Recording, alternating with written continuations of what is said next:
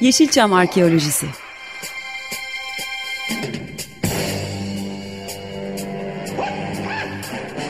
Türk sineması ve Yeşilçam'ın besin kaynakları, emekçileri ve kıyıda köşede kalmış hikayeleri.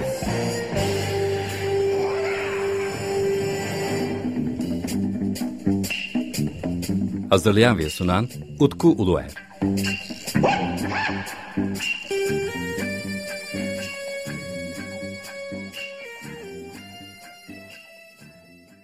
Merhaba değerli Açık Radyo dinleyicileri. Bendeniz Utku Uluer ve yepyeni bir Yeşilçam Arkeosu programına, programına hoş geldiniz. Efendim yine bir süreden sonra ilk defa canlı yayın yapıyoruz ve çok değerli e, teknik masamızda bulunan Feryal Kabil ile birlikte de e, yaklaşık iki yıl sonra bir canlı yayın oluyor. Kendisine de tekrar çok teşekkür ederim. E, bu akşam pardon bugünkü yayındaki konuğumuz e, Emre Siyahoğlu. Efendim hoş geldiniz. Hoş buldum merhaba. Merhabalar. Ee, Emre ile aslında bir süreden beri yaptığımız, üzerine konuştuğumuz bazı projeler vardı. Ee, ben de Atatürk Yeşilçam Arküsü programında da bu konuları bir ele alalım ve özellikle Yeşilçam kitapları üzerine e, yapacaklarımızı konuşalım e, noktasında e, bir süreden beri sohbet yapıyorduk ve en sonunda dedim ki Emre'ye istersen bu önümüzdeki programda bunu artık e, açıklamaya da başlayalım. Çünkü e, Emre Siyahoğlu'yla e, önümüzdeki herhalde bir ay içerisinde başlarız. YouTube üzerinden Yeşilçam kitaplarını tanıtacağımız bir program e, projesi üzerine e, bir süreden beri görüşüyoruz. E, işte bu yüzden de ben dedim Emre'yle hani bir istersen e, yayında konuşalım. E, senin bu muazzam ilgin özellikle kitaplara dönük yaklaşımın gerçekten çok takdir ediyorum ben uzun zamandan beri. Yani sadece e, sinema kitapları değil pek çok farklı konuda da e, yine e, ilgin ve e, bu ilgini paylaştığın mecralar var. Fakat e, her şeyden önemlisi sen bildiğim kadarıyla zaten YouTube'da kitap tanıtımı ile ilgili bir programda yapıyorsun şu anda. E, şuradan başlayalım istersen. Hani nereden başladı bu ilgin e, ve hani sadece de sinemayla da e, e, sınırlanmış değil. Senin müzikle de ilgili muazzam bir ilgin var. İstersen oradan başlayalım. Biraz hani böylece de e, dinleyicilerimiz seni tanımış olur. Hem de yeniden programa hoş geldin. Hoş buldum. Herkese merhaba. Daha doğrusu pek çok sanat alanına ilgim çocuk yaşta başladı.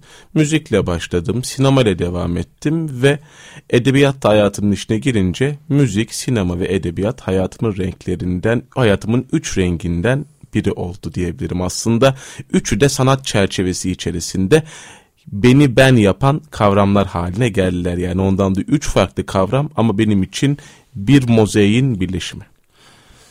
Zaten bazı noktalarda ayırmanın da çok doğru olmadığını düşünüyorum. Yani işte Yeşilçam üzerine program yapmaya başladığım zaman arada kesinlikle müzik üzerine program yapmak zorunda olduğumu hissediyorum.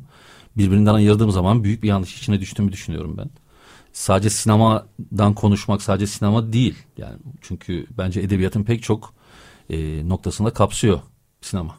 Sonuçta baktığımızda pek çok filmin müziği var ya da pek çok filmin konusunu edebiyat eserleri oluşturuyor. Bu bağlamda bu üç kavramın tabii ki iç içe geçmesi ve birlikte yürümesi tabii ki kaçınılmaz. Ee, tabii Türkiye'de biliyorsun e, arşiv konusu her zaman için büyük sorun oldu. Hani bu müzik içinde geçerli, sinema hele yani müzikten de kötü bir durumda bence. E, ve bu konuda biz gerçekten belli bir dönemde doğmuş olanlar çok büyük sorun çektik. E, fakat son 10 yıldır 15 yıldan beridir epey fazla Türk sineması üzerine kitap yazıldığını düşünüyorum ben. Özellikle yani Yeşilçam dediğimiz yani 90-92'den önceki dönemle ilgili de oldukça fazla kitap ortaya çıkmaya başladığı gibi gözüküyor. Şu son bir iki seneden beri belki biraz e, yavaşladı ama e, hani sinemamızın 100 yılcı 100. yılı denilen dönemden sonra bayağı bir kitap çıktı piyasaya. Yani öncesinin herhalde bir 20-30 katı kitap çıkmıştır diye düşünüyorum. Sen ne düşünüyorsun bu konuda? Baktığımızda burada 90'lı yıllarda bu konularda yazılan kitaplara baktığımızda ya da 80'lere de 80'leri de katabiliriz. Genellikle sanatçıların o işte hem oyuncuların hem de yönetmenlerin otobiyografik çalışmaları burada göz önünde oluyordu ama 2000'lerle birlikte pek çok değerli yayın evinin katkısıyla birlikte bu konuda araştırmalar yapanlar, lisansta bitirme tezi yapanlar, yüksek lisansta aynı şekilde doktora ya da çeşitli akademik alanlarda bu çalışmaları yapanların çeşitli kitapları yayınlanmaya başlandı. Ondan dolayı 90'lara baktığımızda bu konuda yani böyle araştırmacıların ya da akademisyenlerin yaptığı çalışma sayısı daha azdı. Tabii. Belki din, belki okuyucular daha çok o tarz araştırmalara hazırlıklı değildi. Belki de yayıncılar o dönemlerde o dönemleri yaşayan sanatçıların birebir anlatımlarının daha çok ilgi göreceğini düşünüyorlardı. Mesela bu konuda ilk okuduğum Yeşilçam üzerine kitap Kubilay Çelik'in yazmış olduğu Şaka ile Karışık Sadri Alışık kitabıydı ve Sadri Alışık orada 1945'ten işte 1980'lerin ortasına kadar olan dönemi gayet başarılı bir şekilde anlatmıştı ve o kitabı yıllar sonra rahmetli Çolpan İlhan'a da imzalatma imkanım olmuştu. Ondan sonra pek çok değerli oyuncu, yönetmen ya da senaristin otobiyografik çalışmalarını okuduğumda aslında hepsi benim zihnimde bir yapbozun parçalarını birleştiriyordu ve o yapbozun adı Yeşilçam'dı. Tabii, ma tabii ve maalesef e, pek çok isimde yani otobiyografisini yazabilme fırsatını bulamadan aramızdan ayrıldı. Maalesef. E, mesela çok ilginç bir nokta yaşamıştım ben. E, değerli sanatçımız Gülgün Erdem. Bu arada e, Yeşilçam Arkeolojisi Radyo programını yeniden başladığımız zaman yani bu Türk işi kovboylardan sonra yeniden başladığımız zaman ilk konuğum Gülgün Erdem oldu. E, Gülgün Erdem'le konuşurken e, şunu fark ettim. Gülgün Erdem'in katıldığı ilk radyo programıydı. Yani 450 e, filme sanırım 450 ya da 500 filmde oynamış bir sanatçımız ve hani e, başrol oynadığı belki film sayısı az olabilir ama karakter oyuncusu olarak oldukça fazla filmde yer almış ve önemli oyuncuların hepsiyle oynamış. E, ilk defa bir radyo programına katılıyordu mesela. Şimdi bu açıdan baktığımız zaman hani kitap yazmayı bırak söyleşi ya da röportaj veren oyuncu sayımız bile genel rakama baktığımız zaman çok az. Yani o konuda biraz daha öne çıkan oyuncular ya da yönetmenler, senaristler üzerinde durulmuş diye düşünüyorum ki mesela şu anda elimizde tuttuğumuz Yeşilçam filmleri Hayri Caner'in hı hı. kitabı. Örneğin mesela Hayri Caner hem değerli bir oyuncu hem aynı zamanda sinema üzerine de yazılar yazmış bir insan ama maalesef Yeşilçam'dan hatırladığınız 10 oyuncu listesine hatta 20 oyuncu listesine bile belki Hayri Caner ismi girmezken yüzünü gördüğümüzde tabii ki tanıyabildiğimiz hı. bir isim olarak zaten hem Hayri Caner hem Sami Hasan Ses gibi pek çok değerli ustamız tabii ki görüntüleriyle aklımızda kalıyor arkadaşlarıma ya da büyüklerime sorduğum zaman. Sence bu e, kitap satışını engelliyor mu ya da azaltıyor mu? Yani sonuçta bu kitapların mesela şu an elimizde tuttuğumuz Hayri Caner'in fotoğrafı tabii ki pek çok izleyiciye tanıdık gelecektir. Mesela yine aynı şekilde İhsan Gedik yazdığı Turgut Özatay'ın sanırım böyle bir çalışması olmuştu.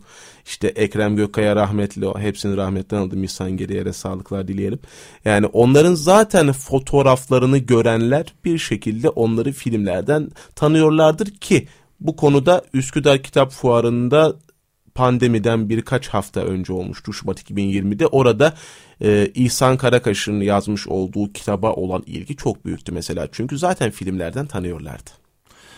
Şimdi e, ilginç bir e, nokta bu. İhsan Karakaş mı Yavuz Karakaş mı? Yavuz Karakaş. Yavuz evet, Karakaş. İhsan Gedik, Yavuz Karakaş. Şimdi, İkisine de selamlar olsun. Şimdi, e, şimdi e, Yavuz abiden rica ettim hani senin e, ses sanatçısı olduğunu çok az kişi biliyor. Evet, plakları da var. Doldurmuş. Sadece onun üzerine program yapalım dedim. Yani bu yaklaşık 4 sene ya da 5 sene önce oluyor. Sadece senin e, şarkıların üzerine program yapalım ve hatta bana sürpriz yaptı. Programda şarkı söyledi hatta burada. E, neyse. Ve yolda yürüyoruz. Ve işte ben Yavuz Karakaş diyor. Yani yüzünü hatırlıyorlar ama ismini bilmiyorlar. Ve yolda bizi kaç kişi durdu? Herhalde bir 20-30 kişi çünkü biz bağlar başından Üsküdar'dan vapurla geçtik. Ondan sonra karşıya ve o sırada herkes durduruyor. Herkes fotoğraf çektiriyor. Ama ismini bilen yani iki ya da üç kişiydi. Ama herkes tanıyor. Yani çok inanılmaz bir konuydu ve o alıştığı için yanında hep 50-50-60 tane e, kartvizit taşıyor ismini de orada hani göstermek için ya da e, ismini hatırlayamayanlar zor durumda olmasın diye onlara veriyor ki onu gördüğü zaman ha ismi oymuş diyor. Böyle ilginç bir aslında sinema kültürümüz de var. Evet Yavuz Bey aynı zamanda 1980'lerde bir kahvehane ya da bir yerde işletmişti Tabii. sanıyorum. Onun o yerinde de pek çok film çekilmişti. İlk aklıma gelen 1984 yapımı Fakir Kızın Rüyası filmi. Üsküdar'da mıydı? Evet filmin bir kısmı Üsküdar'da çekilmişti. Farklı yerlerde de çekilmişti. O film işte o, o, o dönem biliyorsunuz pek çok yerde çekiliyor filmler. Mesela Almanya'da geçen bir filmin evinin selamsızlığı olmasına alışmıştık tabii ki. o Yeşilçam mekanları da ayrı konu tabii. tabii. O bambaşka bir e, artık ilgi alanı hatta onun üzerine bambaşka bir içerik üretmek gerekiyor diye tabii düşünüyorum ben. Şimdi e, yani Türkiye'de tabii kitaplar artık ortaya çıkmaya başladı ama yani bazı kitaplar herhalde 10 tane 20 tane belki 50 tane e, satışı gören kitap şanslı bile olabiliyor. E, maalesef kitaplar ortaya çıkıyor ama bunların çok fazla e, iz, okuyucuya ulaşmadığını düşünmeye başladım ben. Sonra e, işte bir gün oturdum senin Instagram'daki yayına bakıyordum ki yani sen devamlı müzisyenler yeni müzisyenlerle röportaj yapıyorsun. Sonra dedim hani bunları belki YouTube'a yüklemişsindir diye düşündüm ve YouTube'a girdim ve YouTube'da senin kitap üzerine programlar yaptığını görünce dedim yani e, tebrik ederim. Peki bu nasıl başladı? Çünkü yani bir taraftan müzisyenleri ve sen bir de bakıyorum hep yeni müzisyenleri ortaya çıkartmaya çalışıyorsun. Ya onları tanıtmaya çalışıyorsun. Ve albüm e, tanıtımı yapıyorsun. Hani o İngilizlerin işte Amerikan hani albüm review denen şeyi yapıyorsun. Hani onun tam karşıtı nedir? Onu da bana hani nasıl böyle bir çözüm buldun onu anlatabilirsen sevinirim. Daha doğrusu ilk önce albüm eleştirisi olayına gelmek isterim. Hı hı.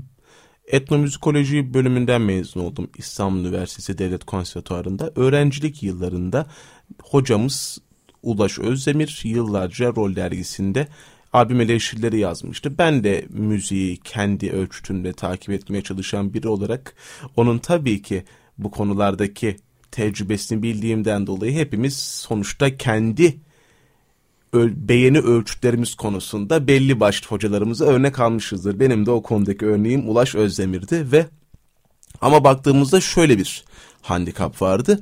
Ulaş hocanın yazı yazdığı dönemde her gün neredeyse albüm çıkıyordu. Fakat benim bu yazıları yazmaya başladığım 2018 yılında artık albüm formatı azalıyor ve sadece tek şarkılar üzerinden fiziki formatta değil ve dijital formatta gidilmeye başlanıyordu. Ulaş Hoca da zaten bu ayrımın üzerinde durumu durmuştu. Ama ben yine de hem albüm formatına olan daha doğrusu konsept albüm formatına olan ilgimden dolayı tabii ki kalıcı olduğunu düşündüğüm pek çok müzik albümü üzerine yazılar yazmaya başladım. İşte bununla birlikte pek çok müzik firması biraz daha kalıcı işler yaptığını düşündüğüm müzik firmalarının albümleriyle başladım. Onların yapımcıları da sanatçıları da beni her zaman desteklediler, yüreklendirdiler. Onlara da selam olsun. Yani albüm formatı şu anda tabii ki devam ediyor ama ben yine de fiziki olarak çıkan az sayıda da olsa fiziki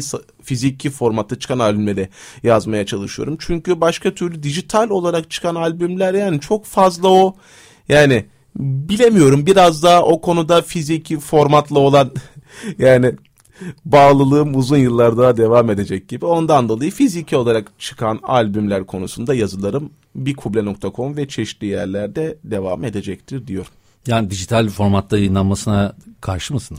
Karşı değilim fakat şöyle bir şey var yani mesela ben hep şunu savunmuşumdur. Tamam albüm dijitalle yayınlanıyor ama albümün neden bilgilerinin olduğu bir buklet yok. Geri geliyor dijitalde çıkan bir albümün aranjörünü öğrenmek için ya da o albümde hangi enstrümanların çalındığını öğrenmem için aranjörlere yazmam gerekiyor. Bir albümün mesela 5 tane aranjör var ben 5 tane yazıyorum bazen bu konuyla ilgili. Dij, dij, ya bunu mesela nasıl niçin yapmıştım? Kartonete mesela benim çünkü Kartonet'ten beklentim o albümdeki her kişinin yazılmasıdır yani ben çünkü orada eser analizi yapıyorum. Ben daha doğrusu benim albüm incelemelerim eser analizi üzerinedir baktığımızda işte es eserde bası çalanı bilmem gerekir. İşte farklı bir enstrüman varsa onu bilmem gerekir. Mesela yaylılar klavyeden veriliyorsa onu da bilmem gerekir bu konuda e, yani sorun yaşamış bir müzisyen olarak diyeyim. E, bazen maalesef e, fiziki formatta basamama ihtimalimiz de doğuyor. doğuyor. Çünkü yani biz mesela bir, birkaç EP yaptığımız zaman ikinci EP'mizi maalesef e, bas, basamadık. Yani plak formatında da yapamadık bunu. CD formatında da. Ondan sonra CD formatını kendin basman gerekiyor. Onun ne anlamı var? O zaman dijitalde olması daha fazla insana ulaşması. Bir de hani yaptık da o kaç tane satıldı da soru işareti. Yani e, fiziki formatta 15 kişi, 20 kişi, bazen 100 kişi alıyor. Ama bazı albümlerin ansiklopedik olarak da değerinin olduğunu düşünüyorum. Mesela bu konuda pek çok klasik müzik albümü Türkiye'de çıkıyor ve bunların işte böyle ansiklopedik bilgileri oluyor. Bununla birlikte Lila Müzik'in bu konuda Hı. çalışmaları var. Dilek İçinsel onlara da selam olsun. Onlar da çok güzel böyle ansiklopedik çalışmalar yapıyorlar. Yani orada para verdiğiniz sadece CD değil o eserlerin ayrıntılı analizlerinin de olduğu 80 sayfa civarında olan ansiklopedik bilgiler. Aslında özetle şöyle söyleyebilirim. Albümler CD formatında çıkmasalar bile albümleri biz dijitalden satın alırken ya da dinlerken Spotify Spotify'da hı hı. bir booklet özelliği olsa ve ben o eserde kimin çaldığını işte o eserde kimlerin yer aldığını aranjörleri bilsem artık CD'de gerek kalmaz diye düşünüyorum ama yine de ansiklopedic çalışmalar tabii ki her zaman tabii, için tabii, basılmalıdır. Bu, bu aslında e, bahsettiğin sorun filmler için de geçerli. Yani künye olayı filmlerden yükleniyor. Künye olayı mesela e, bazı yerler için ben çalışma yapıp yollamıştım. Ya bahsettim tabii bundan bir 10 yıl falan önce ama YouTube kanalında mesela bazı filmleri yayınlıyorlardı. Filmin ismi vardı sadece. Künyesini ve konusunu yazıp yolladığım birkaç tane film oldu benim. Bazen mes bazen onu özellikle Sinema Türk sitesinde de onu çok görüyorduk. Ben özellikle zaten sinematiklere yazmış olduğum üzere video filmlerine meraklıydım ve pek çok video filminin yıllarını ve bilgilerini giriyordum Sinema Türk sitesine. Fakat orada da çok yanıldığımı gördüm. Çünkü gerçekten o kadar derin bir alan ki işte dönemin bazı video magazin dergilerine karışmaya başladım. Ben hep video film döneminin 1985'te başladığını düşünürken meğerse işin bir 1984 dönemi de varmış ve şu an için yani tabii ki eleştiriye açık olmakla birlikte ilk video film üretimleri Videola tarafından yapılıyor o dönemde Kazım hmm. İnanç tarafından. Onun öncesini ben de bilemiyorum. Bunun bununla ilgili tabii ki başka bir ilk varsa tabii ki aydınlatılırsam ben de mutlu olacağım. Zaten benim işte bu kitap üzerine yoğunlaşmaya başladığım zaman karşılaştığım birinci e, sorun şu oldu. Ben bir konuyu bildiğimi zannediyorum ve o konuda çok iyi araştırma yaptığımı zannediyorum. Fakat e, karşıma bir makale çıkıyor 3 yıl ya da 4 yıl sonra ve oradaki bilgileri tekrardan yenilemem gerekiyor. O zaman ben de şuna karar verdim bazı yazdığım şeyleri birazcık daha açık bırakarak yazmak zorundayım. Çünkü e, maalesef yani maddesel olsa da e, bazı bütün bilgilere doğru ulaşabildiğimizi şu anda zannetmiyorum ve hani bizim dergileri de taramamız gerekiyor. E, geçmişte yazılmış ve yani baskısı tükenmiş kitapları da taramamız gerekiyor. E, açıkçası kaç tane kitabın basıldığına bile ulaşabilmemiz de mümkün değil. Böyle bir sorun var aslında. Yani bununla ilgili Kültür Bakanlığı'nın internet sitesinde bu tarz bilgilere istatistik bölümünden ara ara ulaşılabiliyor. İşte bu istatistik kısmı var orada bandrol alınan kitap bilgileri. Orada en azından bu alanda çıkan kitapların kaç baskı yaptığı ya da işte ne zaman basıldığına dair aramalar yapılabiliyor. Ben bazen oradan bakıyorum merak ettiğim kitapları ya da diğer bandrol alınan sanat eserlerini. Mesela Aga Özgüç bu konuda çok e, takdir ettiğim bir e, yazardı. Onun için evet. Yani kendi yaptığı hatayı bir sonraki baskıda düzeltiyor. Yani ve hata yapabildiğini kabul ediyordu. Ve hani bugün elimizde belli bir sözlük varsa hani bu Aga Özgüç sayesindedir. Zaten sanırım yapacağımız çalışmada biraz onun e, yapmış olduklarının üzerine de inşa olacak. Çok yani evet haklısın bandrol alınmış onlardan var fakat şöyle bir durum daha var. Onu da söylemek gerekiyor. Mesela bandrolü başka bir kitap için almış ama öbür kitapta da kullanmış. Ama daha doğrusu şöyle bir durum var. Her kitap ya da her eser için bir işletim belgesi alınması gerekiyor. Daha Hı-hı. doğrusu benim demek istediğim bandrol değil fakat her basılacak es- eserin yani bandrol olayı benim de çok kesin konuşabildiğim bir konu değil ama her yani her çıkan es, yani eserin tanıtım amacı gütmüyorsa ve kitaplarda 48 sayfadan öncesinde bandrol almak zorunlu değil. Ama yine de onların işletme belgeleri işte mesela bir müzik eserini çıkartırken mesela yani EP dediğimiz işte 4 eserlik bir hı hı. formatın işletme belgesinin fiyatı farklı ama 4 eserden sonra albüm olarak geçen bir eserin işlet eser işletme belgesinin fiyatı farklı. Ondan dolayı bu Kültür Bakanlığı verileri yani o bandrol olayı tabii ki benim çok yani bil, bilmediğim bir konu ama en azından şunu görebiliyorum ki her basılan kitabın bir belgesi olmuş. Bir, yani Kültür Bakanlığı'na bildirilen bir işletme ya da işte edebiyatta ne deniyor bilmiyorum. Müzikte ve filmde öyle denir ama edebiyatta belki başka bir tabiri vardır. O, o doğrusu oraya işlendiğinden dolayı o bilgilere ulaşabiliyoruz. Bir de ilginç bir nokta daha var. Bir de broşürler var mesela. Bir, onun dışında dergiler bir de. Çünkü işte senin bahsettiğin sanırım o 84 dönemi sadece dergide yazıyor galiba. Tabii ki. O dönemin işte dergileri bazı yerlerde paylaşılıyordu ya da benim de bazı gittiğim kütüphanelerde bulduğum dergilerde bu konuda özellikle çeşitli kütüphanelerde çeşitli gazeteleri de derleme imkanım oluyordu. Yani oralarda da çok bilgilere şahit olma imkanım oldu. Ama onun dışında çoğunlukla dediğim gibi yine işte o işletme belgesi ol, şey, olayı sinemada bu video olaylarında 1986 Eylül'de başlamış gördüğüm kadarıyla. Belki daha öncesi de olabilir ama yani çoğu film 1986 olarak işlenmiş. Çünkü o yıl belgesi alındığından dolayı. Ondan dolayı bazı filmlerin 87-88 yazılması yani bir yerden sonra benim garibime giderdi ama mesela 1988 yazıyor. Niçin? Çünkü film o dönem başka bir firmaya devredilmiş ve o yılın ismi. O şey o işte o yıl yazılmış. Ondan dolayı yani tabii ki bu yanlışlıkları bizler elimizden geldiğince düzeltmeye çalışıyoruz ama tabii ki ben hiçbir zaman hiçbir şeyde yüzde yüz emin olduğumu söylemedim ve tabii ki her zaman yani yenilenebileceğini düşündüğümüz tonlarca bilgi var. Dilerim bunları da ömür vefa ettikçe ömür yettikçe toparlayabiliriz. Yani umarım şu noktaya da gidebilir. Hani işte Yeşilçam kitaplarının e, anlatıldığı bir Yeşilçam kitabı da yazabiliriz aslında. Hatta bir Yeşilçam kitapları kütüphanesi olsa ne güzel Tabii tabii kesinlikle. Aslında olması gereken oydu. Ya da şimdi tamam Yeşilçam'la da kısıtlamıyorum. Türk sineması e, kitaplı da bu şekilde olabilir ama çok dağınık e, işte çözmeye çalışıyoruz. Sanırım biraz da bu yapacağımız işte YouTube üzerinden yapacağımız yayın birazcık da bunu toparlamak üzerine de şekillenebilir diye düşünüyorum ben. Bir de e, şuna dikkat ettim. Hani ben Yeşilçam Arkeolojisi programında da e, özellikle yeni çıkan kitapları tanıtmaya çalışıyorum. Yazarlarıyla sohbet ederek. E, çünkü şöyle bir nokta artık oluşmaya başladı. Mesela bir yazar dostum bir kitap üzerine 4 ya da 5 yıl uğraşıyorsa şu anda kitabı yazmaya başladığı dönemde görüştüğü insanların belki yarısı hayatta olmayabilir kitap e, piyasaya çıkarken.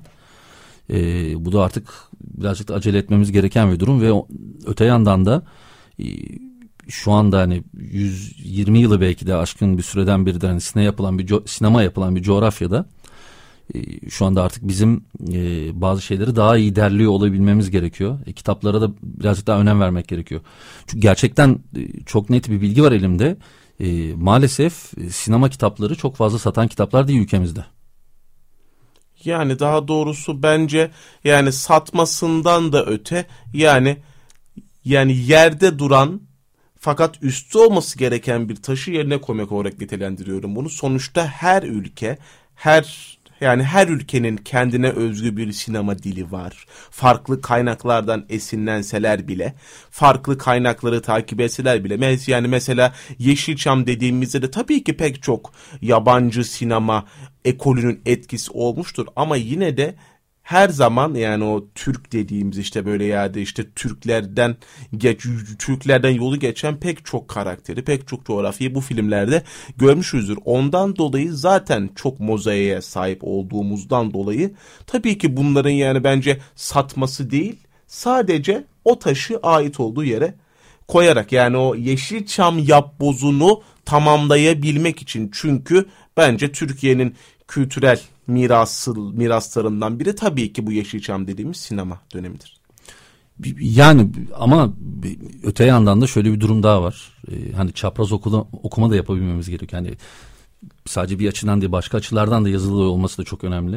Ee, yani o denge sağlanırsa yani o farklı açılar yerine oturursa e, daha şey olur. E, yararlı olur. Çünkü hani birisi atıyorum mesela birisi birisiyle tartışmıştır ya da birisi birisiyle uyum sağlayamamıştır. Onun anlatacağı taraf tabii ki farklı olacak. Karşısındakinin anlatacağı farklı taraf olacak. Bunları bizim biraz da yorumluyor olabilmemiz ya da e, yani işte illaki şu çünkü bizde şey var hani genelde işte o sanatçı öyle ama gerçek hayatında şeyleymiş falan diye yani ilgilenmemiz gereken nasıl oynadığı filmde bence. Tabii ki daha doğrusu onların hepsi birer dönem aktarıcısı yani Tabii. her biri her farklı dönemlerin vakanüvisi yani. Tabii aynen öyle. Ee, tabii Emre şimdi Emre Siyahoğlu ile birlikte laf lafı açıyor. Ee, işte programımızda başladık sohbet etmeye fakat bize ayrılan sürenin de e, sonuna geldik.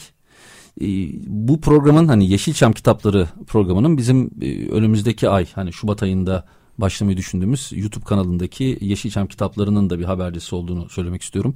İlerleyen dönemlerde ben özellikle bahar aylarında e, Emre ile daha detaylı bir e, program yapmak istiyorum. Çünkü e, Emre hakkında konuşmadığım, onun meziyetler hakkında konuşmadığım bazı noktalar vardı ama burada özellikle bu Yeşilçam kitapları üzerine bir açılış yapalım istedim ben. buradan da ben yine radyo programında ya da başka özellikle Instagram'dan izlerseniz çünkü Instagram'da sanırım bu haftadan itibaren e, Yeşilçam Arkeolojisi hesabını açmış olacağım ben. E, bugüne kadar yaptığımız pek çok görüşmede bazı programları da kayıt altına alıyordum. Fotoğraflar ve videolar onların hepsine orada yer vermeye başlayacağım. Bu da farklı bir başlangıcın da e, habercisi olsun diye ümit ediyorum. E, programa katıldığı için çok teşekkür ediyorum. Ben teşekkür ediyorum. Dilerim bu programdan sonra en azından baskısını bulamadığımız bir Yeşilçam kitabı daha belki günümüze yeniden kavuşur. Kim bilir? Tabii o zaten istediğimiz e, bizim karşımıza çıkan yani arkeolojik kazımızın sonucu olacak. Tabii ki. Evet efendim e, 15 gün sonra yeniden Yeşilçam Arkeolojisi programında görüşmek üzere. Ben de Zulut Kuluer ve değerli konuğum Emre Siyahoğlu çok teşekkür ediyoruz. E, görüşmek üzere hoşçakalın.